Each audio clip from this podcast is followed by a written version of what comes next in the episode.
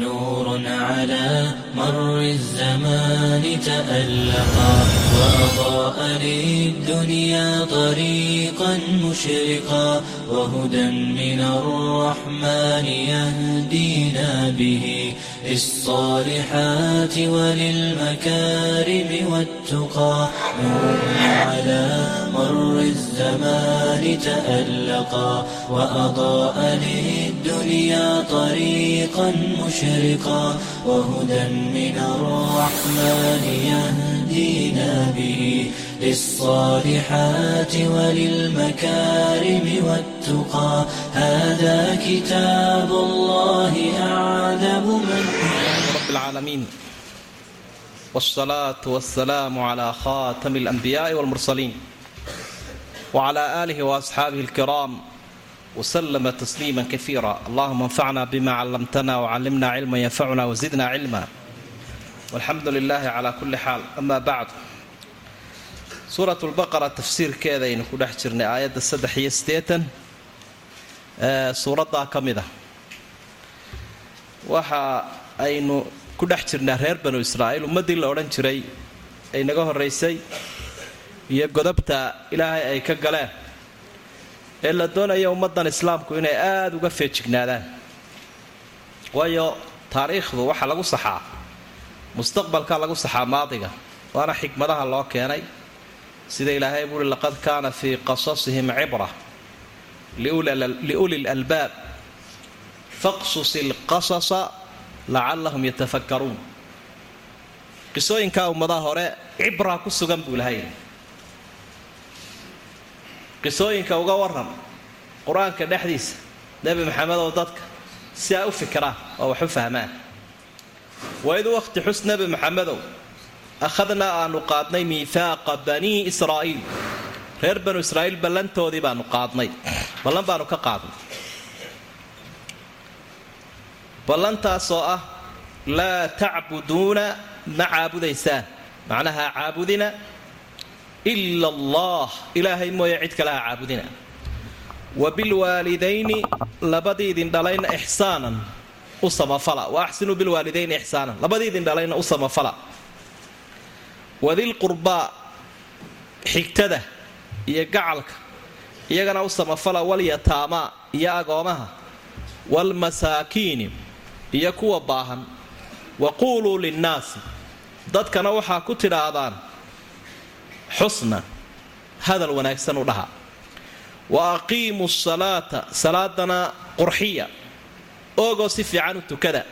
Wa aatu zakaa sakadana quudha oo bixiya uma intaa kadib intii miihaaqaa ilaahay la gasheen tawallaytum waa sii jeedsateen ilaa qaliilan minkum in yaroo idinka idinka mida mooyaane wa antum mucriduun idinkoo afka sii maroorinaya sii durkaya waa usuul alakhlaaq wa ummahaat alakhlaaq wa dirwatu sanaami alakhlaaq akhlaaqda wixii hooyada u ahaa kurus ammaanka u ahaa usuusha u ahaa waa arrimaha ay isla waafaqsan yihiin diimuhu oo sidoodaba waxyaabaha la nasakhaa waa amarka iyo nahyiga.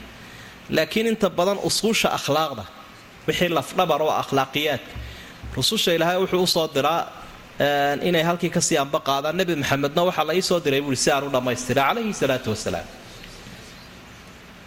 Marka waxyaabahan ma'muuraadkee la faray waa akhlaaqdii wanaagsaneyd ee qaaliga ahaa waa qofkii bani aadamkaah loo tilmaamaya xikmadii loo abuuray. Qofka waxaa loo abuuray liyuxiqa alxuquuq liyuctiya kula dii xaqin xaqah inuu cid walba xaqeedii siiyo. Ilaahay xaqiisii siiyo. Waalidka xaqiisii siiyo. Xigtada xaqoodii siiyo.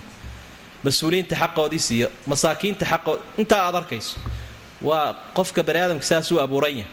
Waa inuu gartaa ana calayhi waajibaat wa calayhi aydan walahu aydan xuquuq. Qofku waajibaadna waa saaran yihiin xuquuqna wuu leeyahy cidda kale waajibaadka ay ku leedunbaa xuquuqa. Taasi qofku waa inuu ku baraarugsanaadaan arrimuhuna way sii kala horreeyaana xaqa ugu weyn waa xaqa ilaahay subxaana. Cidda xaqa ilaahay fulisa waxaa la rajaynayaa xuquuqda kalena inuu hagaajiyo. Hadduu xaqa ilaahay dayacana khayr laga fili maayo. Marka ilaahay ballantaasuu ka qaaday reer banu israa'iil. Marka u horreeya laa tacbuduuna ila allah.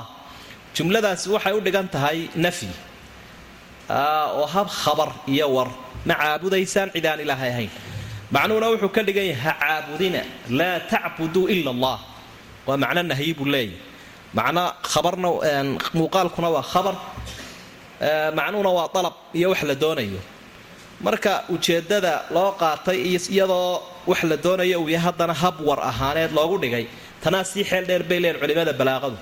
Oo macnaheedu waxa weye maba habboona meeshana ma qabato munaasibna ma aha inaa caabudaan cid aan ahayn.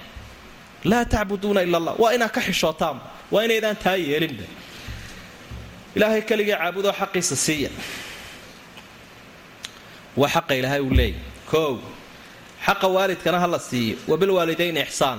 Xaqa waalidka waxaad ka arkaysaa weynaanta uu leeyahy sida ugu xidhiidhiyey qur'aanka kariimkaa ilaahay meelo badan halkana quraba ma aha. Meelo badan baa qur'aanku uu xidhiidhiyaa. Waqadaa rabuka anlaa tacbuduu ilaa iyaahu wabilwaalidayni ixsaana. An ishkur lii waliwaalidayka ilaya almasiir. Qofkan isagaa sababtii halkan uu ku yimi iyagaa lahaa. Xaqa ilaahay kadib xadiidkii bukhaari iyo muslim ku sugnaa ibnu mascuud uu warinayay. Wuxuu nebi maxamedow nebigu su'aalay calayhi salaatu wasalaam waxaan ku uhi ayulcamali afdal? Camalkeebaa ugu wanaagsan oo ugu fadli badan. Wuxuu ihi salaada wakhtigeeda la tukada maxaa ku xiga labada waalidoo loo samafala maxaa ku xiga jihaadka? Aljihaadu fii sabiili illaah labada waalidna runtii marka wakhtigu sii dheeraada ee aakhiru zamaanka wuxuu nabigu xusaya calayhi salaatu wasalaam dadku. Dad inkaaran bay noqonayaanoo cidda ay ku kadeedan yihiinna waalidka ka mid noqonaya. An talida alamatu rabbataha. Ilaa gabadhu ay dhasho inan sayidad u ahoo intay luga fidsato odhanaysa oyo soo adeeg. Oo raashinka soo kale annagu noofalla iyo bugaag baanu akhriyaynaaye ooyo soo shaqe adugu. Way dhici doontaa. Xadiidka macnayaasha lagu fasiray buu ka mid yahay akhrisamaanka astaamihiisa waxaa ka mida qiyaamada. Calaamaat asaaca an talida alamatu rabbatha in addoonta ilaahay ay dhasho. Tu iyaduba sayid u ahoo caaqadoo kadeedan marka labada waalid oo qofku uu u samafalaa waxa ay tahay xaq weyn oo kii ilaahay ku xiga. Sideedabana waalidku hadduu doonayo inuu xaqiisa ka helo waladka diintaa kula dadaalo. Qof aan diin lahayn kama helayo waalidku xaqiisa waa xaqiiqo jirta wey ilaahay baa markaa ummadeennan la hadlaya intaa reer banu israa'iil loo sheegunbaa innagana laynaga doonayaa markaasaa rabbi waxa uu leeyahay wadilqurba walyataama waalmasaakiin axsinuubaa ayaa u taalla qaraabada agoomaha masaakiinta waa kuwa. Qaraabadu xaggii tolkay noqonayaan oo xaggii xididkay noqonayaan oo xaggii aabbaha iyo hooyaday noqonayaan waa ciddii aa gacal tihiin qaraabadu maaha oo keliya kuwii dhinaca isku abtirsanaysana tolka siday soomaalidu u yaqaanaan. Laakiin waa wax ka caamsan abtirsiimada. Waa dadkii xigaal iyo xidid intaba ila qur'aanku nasaban wasihran buu tilmaamaya. Waaya agoonkuna waa qofka yar ee had iyo jeer waalidkii uu dhintay weliba aabbihii ayaa agoon loo yaqaanaa. Hadduu weyn yahay dee agoon lama yidhaahdo. Miskiinkuna waa kii aan waxba haysanina baahnaa dadka noocanihi haba ku xumeeyaana adigu hagaaji. Shardigu maaha marka ay ku hagaajiyaanna inaad hagaajisood u samafasho marka ay ku kharibaanna inaad afka u buurtaad erido. Laysa alwaasilu bilmukaafi wuxuu nabigu leey calayhi salaatu wasalaam xidhiidhiya lama yidhaahdo qofka. Abaalkii loo galay un guda laakiin waxa weeye qofka wa xidhiidhinayaa iyadoo laba gooyey ka wa xidhiidhinaya isagu. Wa quuluu linnaasi xusna. Bal qur'aanka kariimka saasaa ilahay uu nagu leeyahy khalqiga ilaahay oo dhan wanaag u dhaha. Gaal iyo islaam.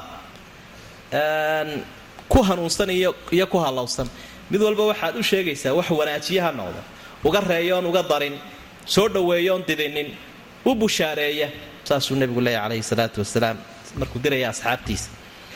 Maalin maalmaha ka midabaa gabadh yahuudiyadii caaisha ay u timi cafwan niman yahuuda bay ahaan gaar ahaan nin wadaadadooda ka mid a nebi maxamed calayhi salaatu wasalaam markuu yimi buu salaamo wuxuu hi assaamu calayk geerii dushaada ha aato nebiguna wuu ka qaado si hoosta buu dhiga wuxuu hi calayk aw calayk intaa tidhiba lagu yidhi.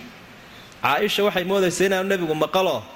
Waxay tidhi calayka assaamu walacnat ullah ikhwaana alyahuudi ikhwaana alqiradati waalkhanaasiir geerii dushaada ha ilaahayna ha ku nacdalo alla ha ku nacdalo markaa nebigu wuxuu ihi caashaay maxaad sidaa u yeesha waa sidee hadalka?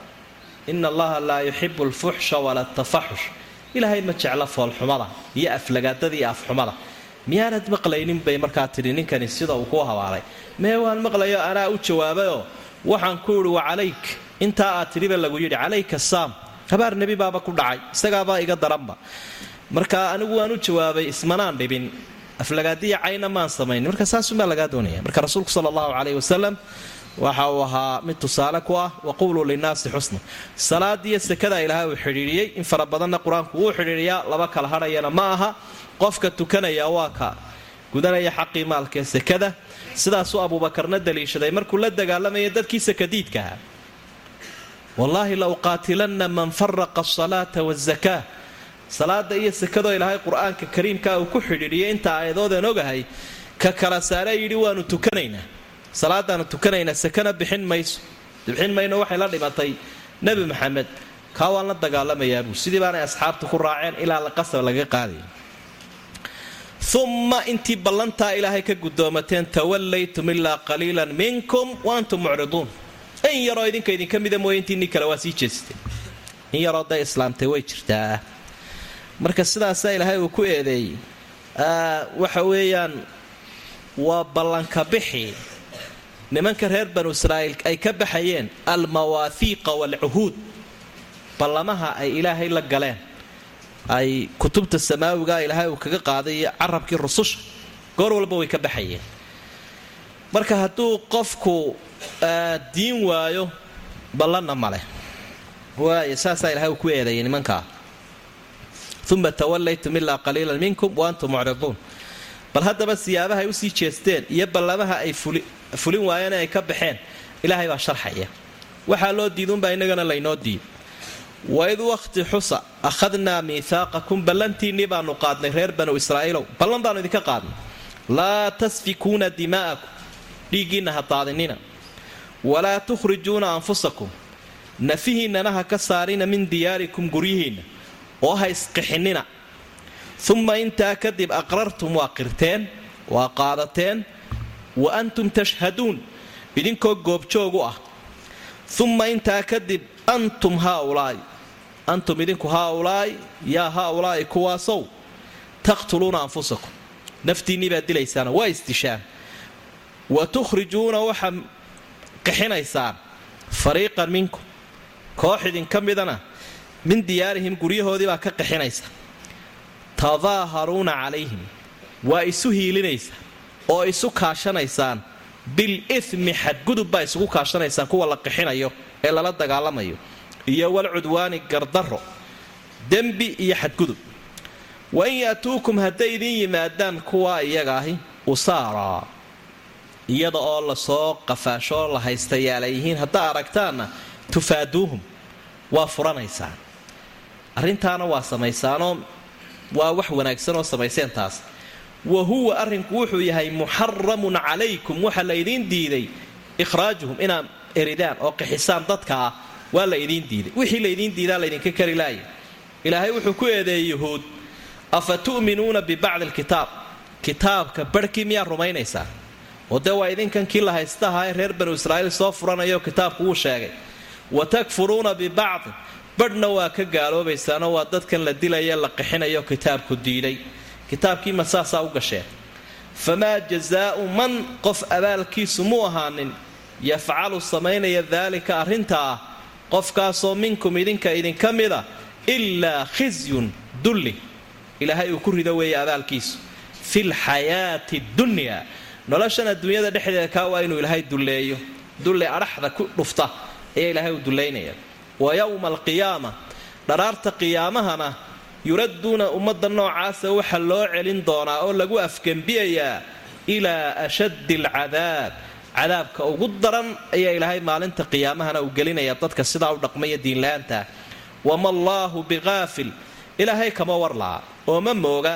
Camaa tacmaluuna waxaa samaynaysaan ulaa'ika buu ilaahay yidhi kuwa sidaa u dhaqmaya kuwa sidaa kutubta ilaahay u khilaafa ee in ka mida dhinaca iska dhigay. Aladiina kuwii weeye ishtarow iibsaday alxayaata addunyaa nolosha adduunyaday soo qaateen bilaakhira bitarki alaakhira aakhira. Iyagoo ka tegay oo iska ilaawaday adduunyo waxa la yidhaahdo laabta gashadeen. Falaa yukhafafu canhum alcadaab. Cadaabka lagama fududaynayo. Walaa hum yunsaruun. Loona hiilin maayo. Cadaab bay galeen aan fududayn cid u hiiliso ka saartana ma hayaan. Wanacuudu billaahi min dalik waaya reer banu israa'iil dhaqankoodu waxa uu ahaa inay ka baxaan ballanta ilaahay. Ballantuu ilaahay ka qaaday ummadaha iyagoo yaryar fii caalami dar ballantu kutubta kaga qaaday ballanta rusushoodu ay ka qaadaysay way ka baxayaan nimankaas. Dhaqan bay ahayd iyo caado. Marka ummadda islaamka waxaa nasku u dhigayaa haddii kuwa adhaxjabkaa iyo inkaarahaasi ay ku dhaceen ilaahayna sidaa ay isu seegeen oo ay u khilaafeen ka daaya oo idinku taaha yeelina. Ummad baa ku halaagsantay halkaa ka baydha idinku. Miihaaq ilaahay wuxuu kaga qaaday dhiiggiinna ha daadinina nafihiinnana ha qixinina.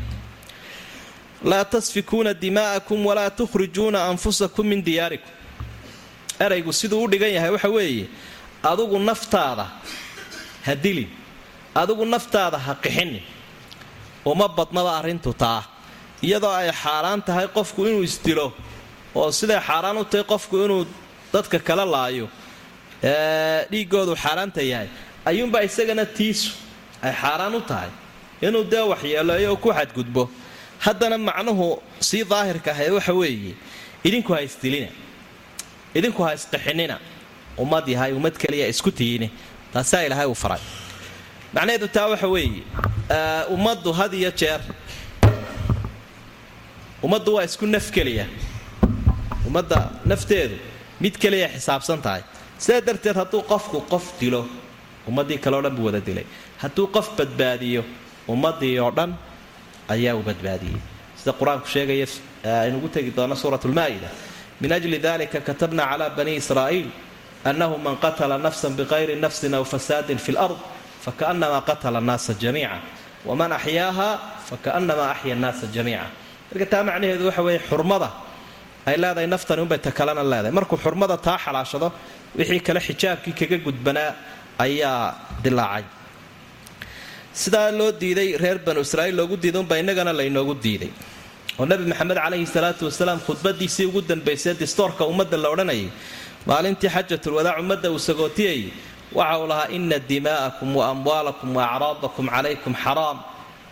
Ka xurmati yowmikum hada fii shahrikum hada fii baladikum hada alaa liyuballiq ashaahidu minkum lghaa'ib faruba muballaqin awca min saamic wardadiiow naftiinna iyo maalkiinna iyo dhegtiinna iyo sharaftiinna inaad meel kaga dhacdaan mamnuuc oo isku xadgudubtaan.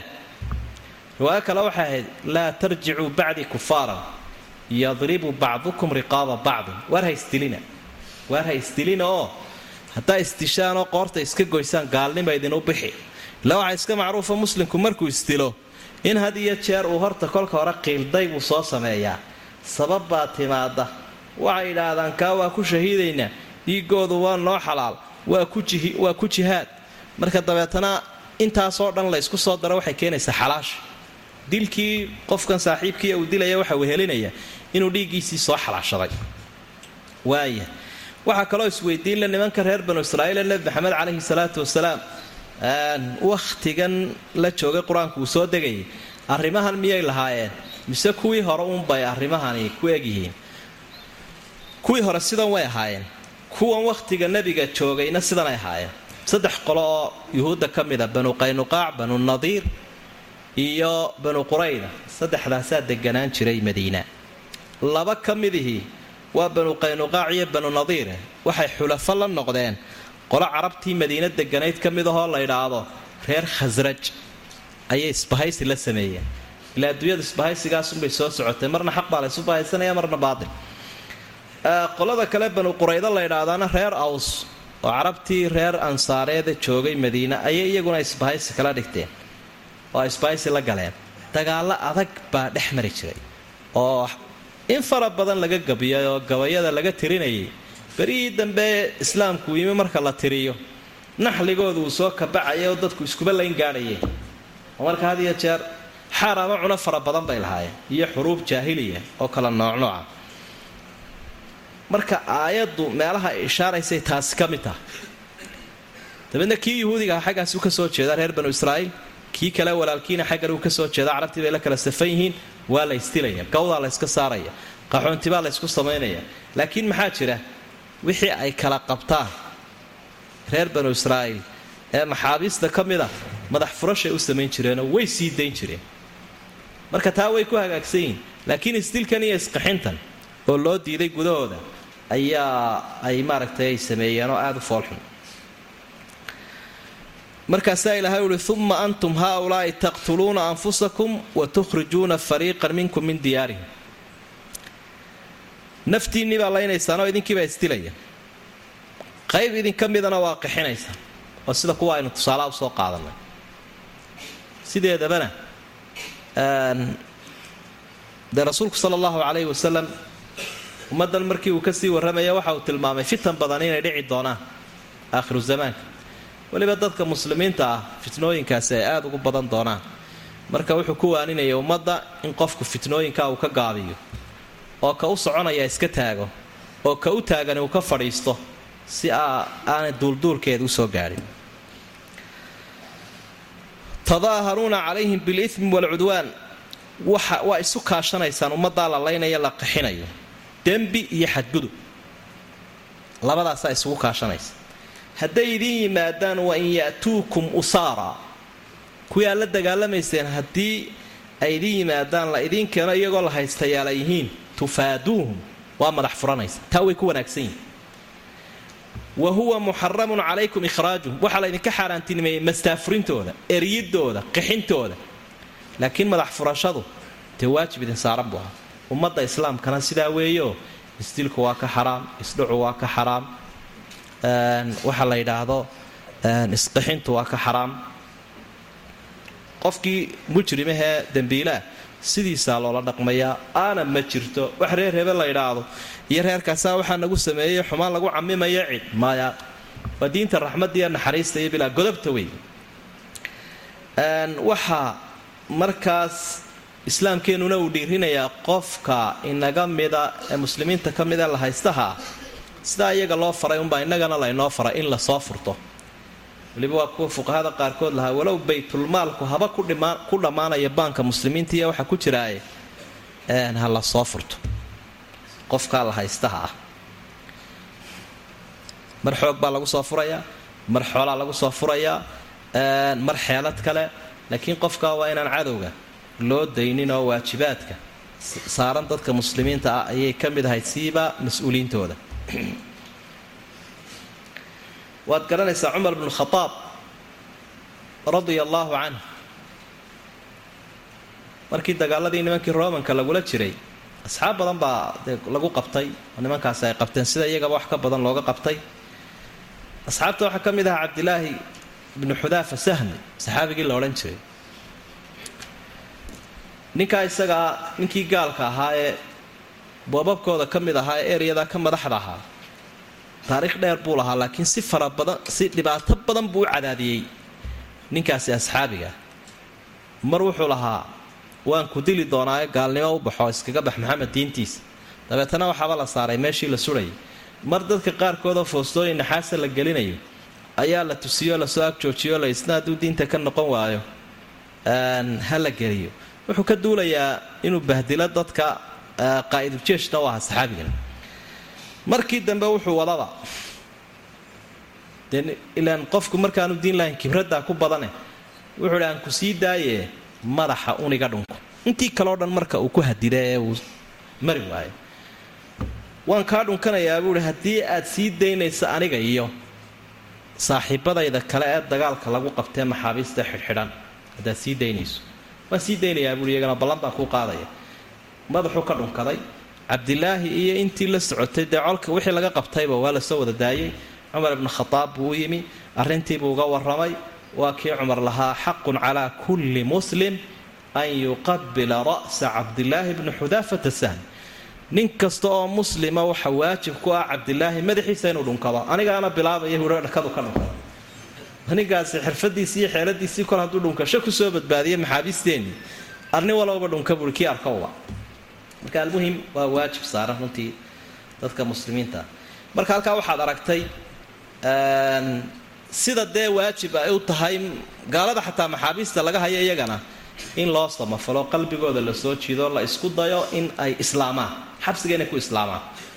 Oo diintii la baro inaan laga aargoosanaynin oo dadku tooda aanay socona tu ilaahay ay wadaan in loo muujiyo saasaana ilaahay uu ku ammaanay mu'miniinta ifka jooga wayudcimuuna dacaama calaa xubbihi miskiinan wayatiiman wa asiiran raashinkay bixiyaanoo agoonkay siiyaanoo miskiinkay siiyaanoo la haystaha maxbuuskay gacanta ku hayaan maysiis halka aad gaaladu maanta ka arkayso inay ka dhigtaan xayawaan yaroo lagu ciyaaro oo runtii kolba si loo galo oo tacdiib kala noocnoocahoo kala duwan qofka muslimkaa ay ahyaan ay ku sameeyaan maxaabiista qaarkood iminka ay maraykanku hayaanbaa qaar waxaa la xusay. Dee markuu qaar badan oo ka mida ay soo daayeen ay ka soo baxeen inay noloshaba ka dhaceen. Daroogay qaar ku mudayaan qaar irbaday ku mudeen. Caloosha uun qofkii ay weynaatay. Minjihiina ay noqdeen wax aada u yaryar calooshiisiina qofka laba qofunbay leegaatay macnaha qofkii bani aadamka ah ayay miyid wareemayaan. Si uu nolosha uga dhaco oo baqaha ay qabaanu meesha uga baxo dib aan ugu soo noqon. Islaamku taa ma qabo waa diinta naxariista iyo cadaaladda laakiin dullinimadaa iyo cadaawaddaa kufrigaale ilaahay nimankan wuxuu ku eedeeyay afa tu'minuuna bibacdi alkitaabi wa takfuruuna bibacd waa yuhuud. Kitaabkii aan idiin keenay een doonaya inaad wada qaadataan. Qaybna miyaa qaadateen? Qaybna miyaa ka tagtay? Qayb dee waa kuwana way qaateen sida maxaabiistaa la furanaya qaybna way ka tegeen sida istilkaa iyo isqixinta ah. Waaya canaantaa iyo ceebaynta nimankaa ku dhacday. Innagana sidaasoo kalea laynooga digaya.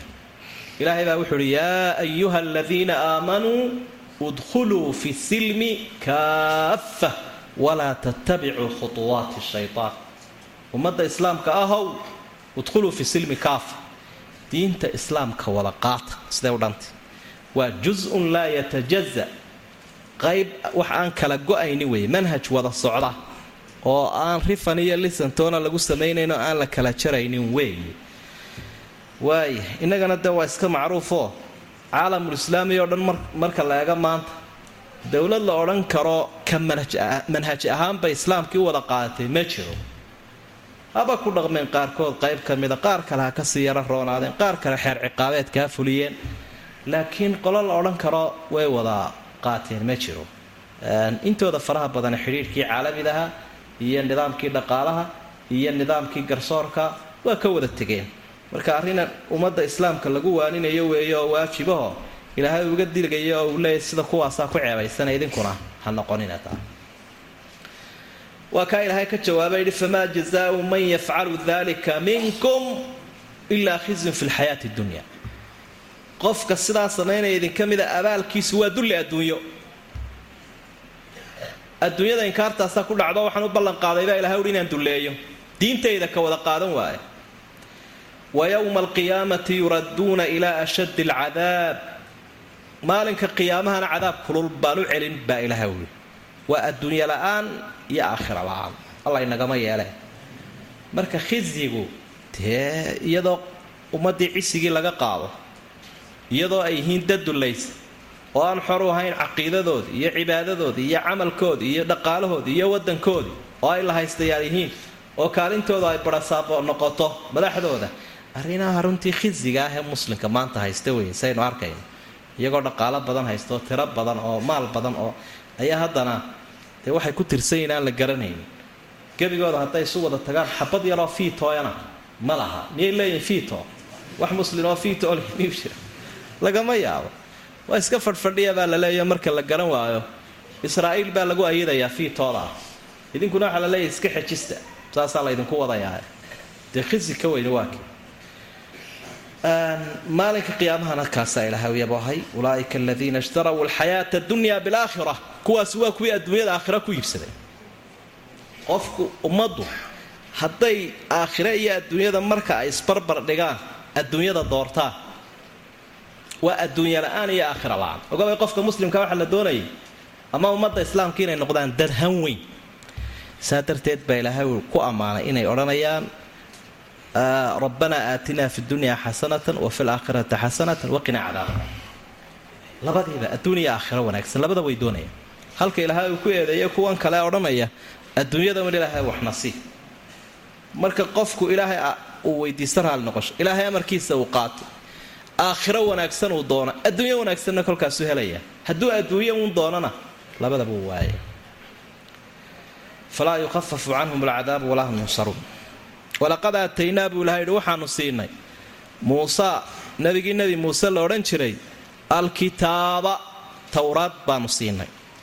Wa qafaynaa waxaanu raacinnoonu ka dabageynay min bacdihi nebi muuse dabadii birusul rusul kala duduwan oo fara badan kala wakhtiah ayaa raacay oo ka dambeeyey wa aataynaa waxaanu siinay ciise bna maryam ciisihii ina maryamo ahaa ee hooyadii maryam la odhanayay albayinaat waxyaaba cadcad oo waadixa oo nasaarada wax u caddayn kara wa ayadnaahu waxaanu ku xoojinnay ciise biruuxi lqudus malaga ruuxulqudus la ydhaadee malakuljibriil isaguna taageero weyn ayuu ahaa nebi ciise.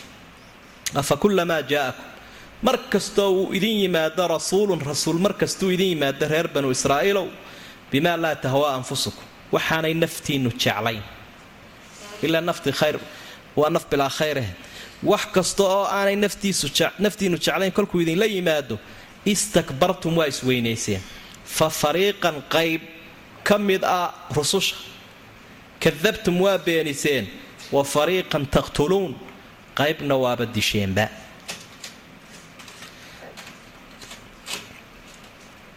wa fariiqan taqtuluun qolo waad dilaysaan wa qaaluu waxay yidhaahdeen yuhuuddu iyaga oo madaxadaygaya murmaya quluubunaa qalbiyadayadu qulfun way tigtigan yihiin way hilan yihiin waa xidhan yihiin bal buu ilaahay yidhi lacanahum ullah ilaahay baa fogeeyey.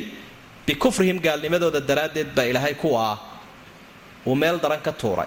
Fa qaliilan maa in maa in yaroo aad u yar bay yu'minuuna rumaynaya. Walamaa jaa'ahum markii uu yimi kitaabun min cindi illaah kitaab ilaahay agtiisa ka yimi waa qur'aankeenna qur'aanka. Musadiqun limaa macahum oo waafaqsan oo u rumaynaya kitaabka towraad ay haystaan. Qur'aan ilaahay oo nebi maxamed lagu soo dejiyey oo towraad waafaqsan oon khilaafsanayn markii loo keenee nebi maxamed uu u yimi. Wa kaanuu weliba ay ahaayeen. Min qabl intaanu qur'aanku soo degin ka horna yastaftixuuna gargaar bay weydiisan jireen ilaahay. Cala aladiina kafaruu kuwii gaaladahaa inuu uga hiliyo oo kitaabkaasay ilaahay ugu dhowaan jireenay ugu tawasulayeen ilaahayow nebigaa iyo kitaabkaa noogu hiili falamaa jaa'ahum markii u yimi maa carafuu kii ay garanayeen rasuulkiiya kitaabkiiya kafaruu bihi way ka gacan taagteen way diideenoo way ka gaaloobeen fa lacnatullaahi cala alkaafiriin. Cadhada ilaahay gaalada dushooda ha ahaata buu ilaahay subxaana waa mukhaalafaadkii yahuudda marba meel bay la xidhiidhaan markii hore cuhuudda iyo mawaafiiqda ayay la xidhiidhay. Iminkana rususha iyo manaahijta ilaahay uu soo dejinayo talow sideebay ku ahaayeen? Miyay raacayeen oy rumaynayeen? Miyay u jiibinayeenay taageerayeen? Maya. Kutubta ilaahay rususha ilaahayna sidanay ku ahaayeen. Waa ummad aafaysan wey ilaahay abuuraa inooga warramaya. Kuwii horena abeesooyin uunbay ahayn kuwan dambena waa masaskii ay dhaleen sidii uunbay suntu uga soo kabacaysa. Maabaalu berigii hore waabay kala firiidhsanaayeene iyadoo la soo ururiyey oo xuduntii caalamulislaami la keenay oo nuclear iyo hubkii bamka ahaana loo sameeyey. Waa bambadaase ama iska hayoo nabadgelyadeeda ilaaliya bay leeyihiin ama isku sii daayo ha idinla qarax. Waa taasaa loogu hanjabay caalamulislaam intoo bartankoodii la keenay. Waaya ilaahay baa wuxuu ihi waxaan siiyey nebi muuse kitaab. Waa towraadoo lagu soo dejiyey waqafaynaa min bacdi waqafaynaa waa raacina wey waa laga dabageeyey. Rusul ayaa laga dabageeyey. Oo sideedaba si aanay dadku cudurdaar u helin ilaahay waxa uu u soo dirayay markay xoogaa joogaanba rusul. Wakhtigii nebi maxamed ka horreeyey calayhi salaatu wasalaam rusul badan baaba isku wakhti ahaayo gobolo isku dhowdhow joogayayba sida qur'aankuwa meelo badan uu ka warramay cidda markaa rusushaa la soo diree nebi muuse laga dabageeyey kutubtana lagu soo dejiyey waxaa ka mid ahaa ciise bnu maryam. Wa aataynaa ciise bna maryam albayinaat. Markaa dee bayinaatku waa kitaabkii ilaahay uu ku soo dejiyey injiil oo wax badan caddaynayay ka sii warramaya rasuulka sala allahu calayhi wasalam xaqa ilaahay uu leeyahay buu caddaynayay ciise waxa uu yahay buu caddaynayay. Towraad iyo injiili xidhiidhka ay leeyihiin buu caddaynayay oo laba iskaba ayay ahaayeen. Bayinaat ayaa ilaahay uu siiyey oo ay ka mid ahayd mucjisaadkii dee u markhaati furaya ciise. Oo hore aynu u soo tilmaannay rasuul walba wakhtigiisa ilaahay wuxuu siiyaa bimaa aamana calaa milihi lbashar. Sida xadiidka saxiixa ay tilmaamayo. Rasuul walba wixii lagu rumaysan lahaa ayaa ilaahay uu siiyaa ee wakhtigiisaa la yaab leh wakhtigaa nebi muuse hadduu sixirku yaa badnaa dee wax ka sii yaab badanoo aamusiiya ushaabaa la siiyey bushii nebi muuse haddii wakhtigii nebi ciise dhakhtarnimada iyo daaweynta iyo xarfadaha faraha badan ee halkaas iyo cilmiga caafimaadka dad aada ugu qabowsaday ay jireen wax ay wada dawayn kari waayeen ayaa ilaahay uu ciise awood u siiyey inuu daweeyo biidni illaah yubri'u lakmaha waalabras biidn illaah haddii wakhtigii nebi maxamed calayhi salaatu wasalaam dadku ay ahaayeen dad hadal cunahoo afmiishaariinahoo hadalka kala dhigdhigay oo fasaaxad iyo aftahanimo iyo gabay iyo maahmaah iyo wax kala duduwan sheeganayo waxaa la isugu faanayo la iib keeni jiray.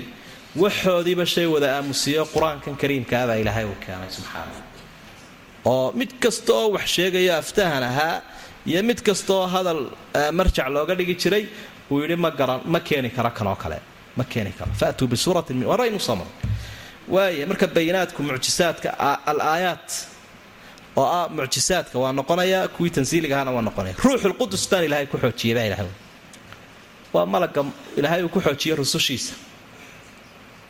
Ruuxulqudus malakul jibriil weeye sidaasumaa nebi maxamedna loogu xoojiyey calayhi salaatu wasalaam ambiyada iyo nebi ciiseba u xoojinaya malagaas. Taageera waxay haystaan ambiyada ilaahay iyo awliyada ilaahay taageerayaal aan cid kale haysanin. Cid kaloo caalamka ka midii taageerayaal aanay haysanoo malaa'igta ilaahaya ayay haystaan. Malaa'igta muminiintuunbay garabkooda taagan yihiin laakiin kuwa kale kufaarta shayaadiinta garabkooda taagan. Xasaan binu haabit sida loogiya wuxuu ahaa gabayaagii rasuulka sala allahu calayhi wasalam nimanka gaaladaa nebigu wuu iskaga celin jiray dooda iyo daliilka iyo dagaalka iyo afka oo gabaygiya. Mimbar buu dhigi jiray halkaa uu ku fadhiista masaajka dhexdoosoo markaasuu ku odhan jiray allaahuma ayid xasana biruuxi lqudus kamaa yunaafixu can nabiyik ilaahayow malakul jibriil ku xooji oo taageero uga dhig xasaan oo gabayaagayga ah. Siduu isaguba u difaacayo nebigaaga maadaamuu xasaan gabay ku difaacayo rasuulkii ilaahay rasuulkaagii ood soo dirto diintaadii sida aduguna dee waxaan kaa codsanaya inaad ku xoojiso malakul jibriil. Markaa ereygaasuu ku cabiray ruuxulqudus ku xooji maxaad u malaynaysaa ninka shaacirka ahe malagii ilaahayna dhegta ugu haya xikmadda iyo kalimaadka waa golokafuul arrinkiisu. Golokafuul ma taqaanin dhallinyaradiina waa ninka intuu saa isu soo taaga un gabayga sii daynaya isagoon horena u soo tirin buugna ka eegin. Arrinkiisu saasu gabayadii siday ka mid ahayd wa jibriilun rasuulullaahi fiina wa ruuxu lqudsi laysa bihi khafaa'u markuu nimankaa u faanayo ee uu dhaadanayo wuxuu leeyahay hadda jibriiloo rasuulkii ilaahayna annagu nala socdaa. Idinku bilaa jibriil baa tihi wa ruuxu lqudsi laysa bihi khafaa ruuxu lqudus isagaa la yidhaahdaaye hadda arrinkiisu ma qarsoonaa. Ninka malagaasi la socduu taageera uu yahay doodiiyo dagaalkaba garab taagan yahay. Saasaana markaa u dhaadanaya almuhim waxaynu uga jeednaa ruuxulqudus in malagaa laydhaa nusuus badan ay soo aroortay. Haddaba ilaahay wuxuu idhi afa kullamaa jaa'akum rasuulun bima laa tahwa anfusakum mar kasta oo rasuul uu idinla yimaado reer bani israa'iiloo waxaa naftiinni jeclayn. Waa isweynayseen qaar waa disheen qaarna waa beeniseen. Macnaheeda waxaa la doonayay qofkan inuu haga xaq an yakuuna waqaafan cinda alaayati waalxadiidi saxiix xadiidka sugan iyo aayadda marka la sheego qofku inuu bireeg yeesho oo uu istaago. Naftu iyo shaydaankaoo isku lifaaqani ma jecla diinta iyo daliilka. Nafta liidataa way ka sii cararaysa. Marka nimankaasi naftoodii bay raaceen iyo rabitaankoodii rasuul waliba kolkuu yimaadaa bay odhanayeen maya kolkaasaa isweynayseen rusushii ilaahay baa qayb beenayseen qaybna waa laynaysa.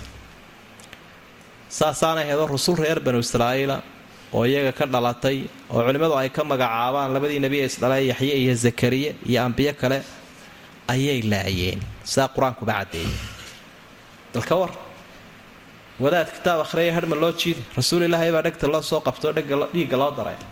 Kow ayaa laga siiyey.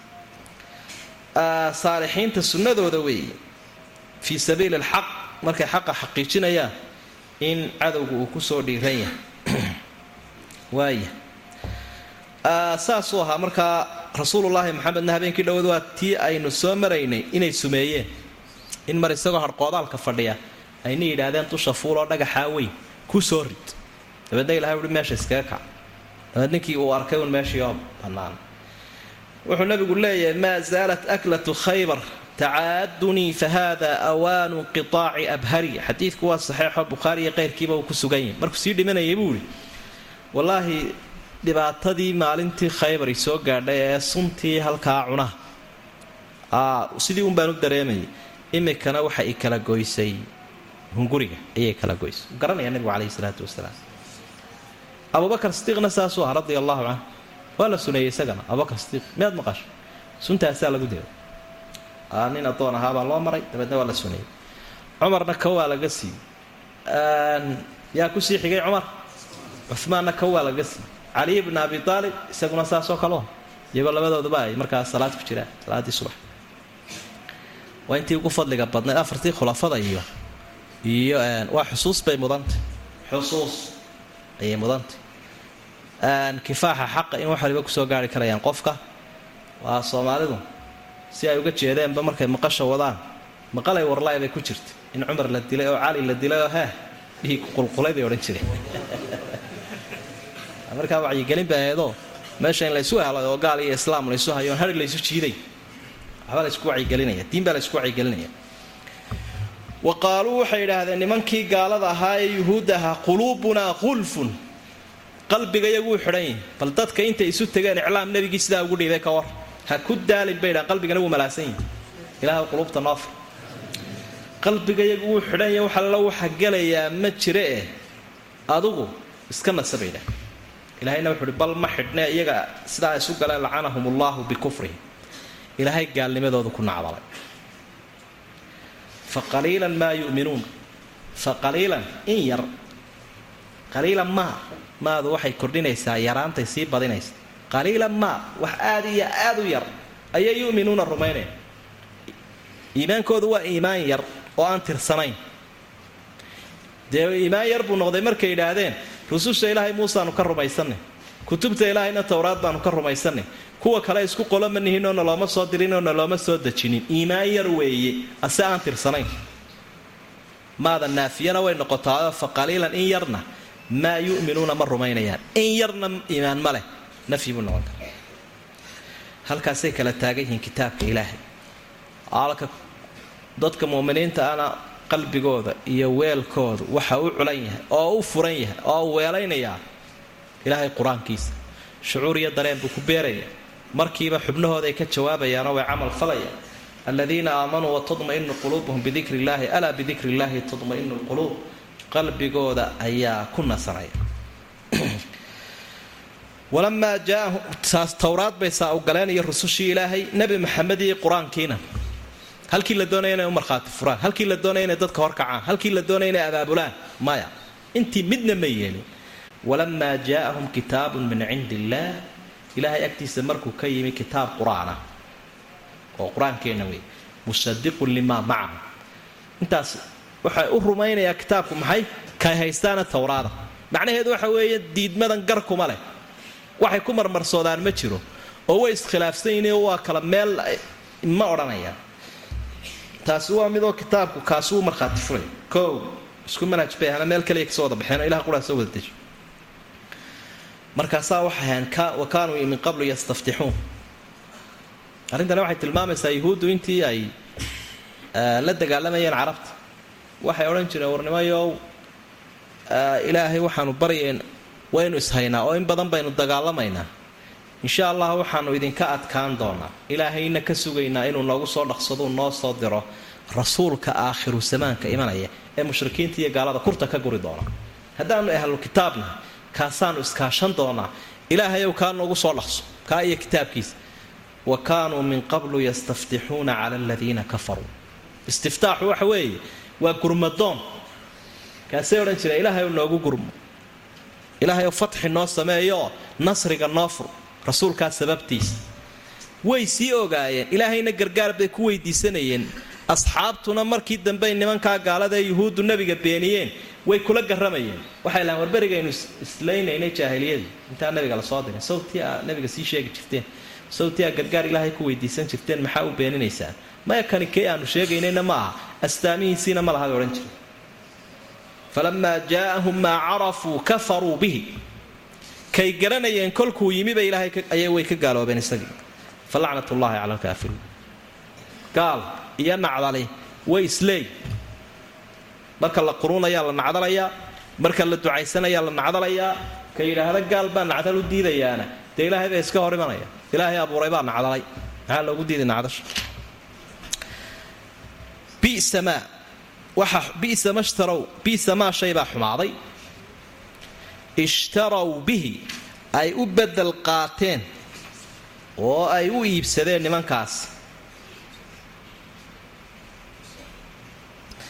Waaya bisa maa shay baa xumaaday ishtarow bihi ay u iibsadeen anfusahum nafooda.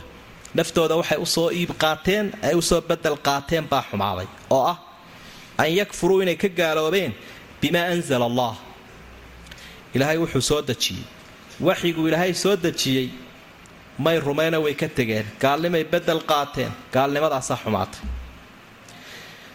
Baqiyan waa xasad. Baqigu kardariya kibir buu ahaa iminka xasad baa lagu macnaynaya. Ilaa waxaas xumaantaasi waa iswada leedahay. Xasad daraaddii bay qur'aankan u diideen.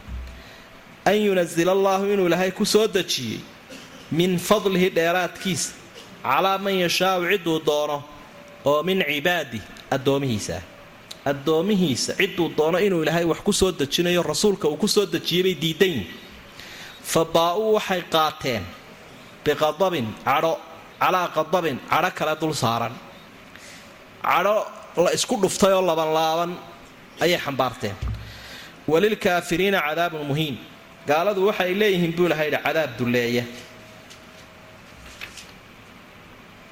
cadaab dulleeya heli doonaa wa idaa qiila lahum marka lagu idhaahdo gaalada yuhuudda ah aaminuu rumeeya bimaa anzala allah war qur'aankan ilaahay soo dejiyey rumeeya kolka la ydhaa qaaluu waxay odhanayaan yuhuuddu nu'minu waxaanu rumayn doonnaa bimaa unsila calayna ka annagana lagu soo dejiyo towraadunbay noogu dhantay wayakfuruuna waxay ka gaaloobayaanay diidayaan gaashaanka ku dhufanayaan bimaa waraa'ahu kii ka dambeeya qur'aanka ah wa huwa qur'aankuna alxaqu weeye waa xaqii la baadi doonayo musadiqan isaga oo u rumaynaya limaa macahu. Kitaabkay haystaanna wuu u rumaynaya isma diidana labada kitaab. Qul waxaad tidhaahdaa falima taqtuluuna maxaa u laynaysaan maxaa u dilayseen ambiyaa allah ilaahay nebiyaashiisi min qablu nebi maxamed ka hor? Ambiyo badan baa layseena maxaa ku disheen in kuntum mu'miniin haddaa rumaynaysaan kutubta ah ma kutubtaasaa sidaa idin farta walaqad jaa'akum muusaa nebi muuse wuu idinla yimi yuhuudey bilbayinaat waxyaaba cadcad oo mucjisooyin iyo aayaad leh. Uma ittakhadtum waxaa samaysateen oo nabnabateen alcijla dibigii min bacdihi intuu nebi muuse anbabaxae ilaahay waxiga idinka soo qaadaya. Wa antum daalimuun idinkoo dulmi falayaala waid waqti xus akhadnaa aanu wadkuruu bal waxaad dib u xusuusataan oo isu sheegtaan id akhadnaa kolkii aanu qaadnay miihaaqakum ballantiinna ballan baanu idinka qaadnay wa rafacnaa fawqakum. Dushiinnana waxaanu yeelnoonu dhignay atuura. Buurtii duurusiine la odhan jira la soo jaray ama buur kaleba. Alla wuxuu idhi khuduu qaada xambaara. Maa aataynaakum kitaabkaanu idin siinay iyo waxyigan biquwatin dadaal ku qaada. Ilaahay saasuu idin faray. Wasmacuu maqla oo dhagaysta oo qalbigiinna ha galo sidaasaa la ydin faray. Qaaluu markaa waxay idhahdeen yuhuuddu maqaalad ka hadhayna noqotay oo dhaxalgal xun ah. Samicnaa maqalayoo wa casaynaa diidna. Wa ushribuu waxa la cabsiiyey oo lagu shubay fii quluubihim qalbiyaashooda alcijla ay xuba alcijli bahalkaa dibiga la idhaahdo jacaylkiisa ayaa qalbiga ka galay. Bikufrihim gaalnimadooda daraaddeed ayay dibi u jeclaadeen. Qul waxaad tidhaahdaa nebi maxamedow bi'sa maa shay baa xumaaday. Ya'murukum bihi uu idin farayo iimaanukum iimaanka noocaasee dibi caabudka idin faray kaasaa xumaaday.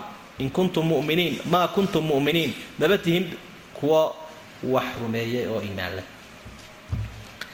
Waxaad ka arkaysaa ayaan darrada ummaddaa ku dhacday iyo ilaah diidka iyo iyagoo rusushii diiday iyo iyagoo kutubtii diiday iyo fadeexadahooda. Ilaahay si caalamiya uu sheegayo ilaa an yarisa allaahu alarda waman calayha. Inta ifka la joogana laga akhriyaya kitaabka ilaahay. Warbixin waxaa ugu qaalisanta ilaahay makhluuqaad kaleo dhan abuuray uuna siiyey oo runtii aan loo malayn karaynin wax shaki ah iyo beenhii inuu ku jiro. Nimankaassaasaa ilahay uu kaga warbixiyey waxaad arkaysaa muuqaalka aayaadka iyo sibqadiiyo daabica ay leeyihiin uu yahay. Sidaasaa yeesheen sidaasaa yeesheen sidaasaa yeesheen. Intee kuwii markaa ficiladan sameeyey intoodii badnayd. Dee wakhti dheer baa ka soo wareegay. Wakhti dheer ayaa ka soo wareegay. Haddana si toosa ayaa ilaahay ula hadlayaa kuwa nebi maxamed joogay wakhtigiisii ilaahay si toosa ula hadla saasaa yeesheen saasaa yeesheen. Marka taasi macnaheedu waxa weeye ficlu lkufr mujiizu lkufri ka faacilihi baa la ydhaa qofka gaalnimo banneeyey kii sameeyunbuu la midi ama dilka ka sameeyey kii qiildayna waa la midu nebi maxamed caleyhi salaatu wasalaam wuxuu lahaa haddii culimada qaarkood ay tilmaamayaan inuu darajadiisu xasan tahay qofka ka qayb qaata qof muslima dilkiisii walow bishadri kalima jaaa yowma alqiyaamati maktuubun bayna caynayhi aayisun min raxmat illaah kani wuu maalinka qiyaamuhu qofkaas imanaya iyadoo salaanta kaga qoranta labada indhood dhexdooda. Kani naxariistii ilaahay wuu ka quustay. Macnaha isagu waxba muu dilin mubaasharo muu samaynoo hub muu qaadan laakiin dilka ayuu kaga qayb qaatay. Qowl marka nimankan iyaga ahy inay ku saxsanaayeen dhaqanka noocaas ayay aaminsan yihiin qofka xumaanta samaynaya ficilnimo ku samaynaya ama qowl ahaan ugu dhawaaqaya iyo taageerihiisu waa isku mid. Waxaa taageeridda la ydhaahda iyo mawaaqiftu ma sahlana. Jihaadka marka uu qiimaynayay qur'aanku cidda ku jirta iyo ciddaan ku jirin waxa ilaahay uu tilmaamay in xaraj iyo dembi aanu saarayn. Sida suuratu tawba aad ka akhrii karayso naafada alacma aw alacraj ka markaa dee indhahala iyo ka laangadhaha iyo halumajar qofkii naafaa dembi ma saarna dagaalka ka hadhidda uu ka hadhay. Shardibaa ilaahay uu ku xidhay. Idaa nasaxuu lilaahi wa hadday rabbi iyo rasuul taageerayaalu yihiin baa ilaahay. Isagoo halkaa cudhiyaanahoo ducufoo iska fadhiya. Saa u yuurura. Haddii haddana balaaya ay ka soo kabacayso dadka uu waswaasinayo naxli uu ku sheekaynayo. Waa la jabay sidanaa la yeelay. Marka horaa la khaldana waxa uu sheekaynayo. Waa munaafiq fadhiya uun. Macal cudurdaarkiisu ku halaagan yahay markay taageerayaal yihiin baa ilaha wey marka taageeranimadu ma sahlana. Haddaad xaq taageeraysa ku xisaabta waa laguu qoraya. Haddaad baatil taageeraysa iyo gaal iyo xumaantiisa waa laguu qoraya. Walow arigaagaba aad la joogtid oo bannaanka aad iska taagnaatid oo bilaa itaalba hahaat marka lagu weydiiyana aad tidhahdo anigu maxaan taraya? Haddaan ka taageeriyo haddaan ka taageero. Midna anigu arrin iyo itaal toona ma hayee maxaa kelmadaydu ay taraysaa odhan? Qadiyat almawaaqif. Intaad iska marqaanto waxaa doontaha daldaline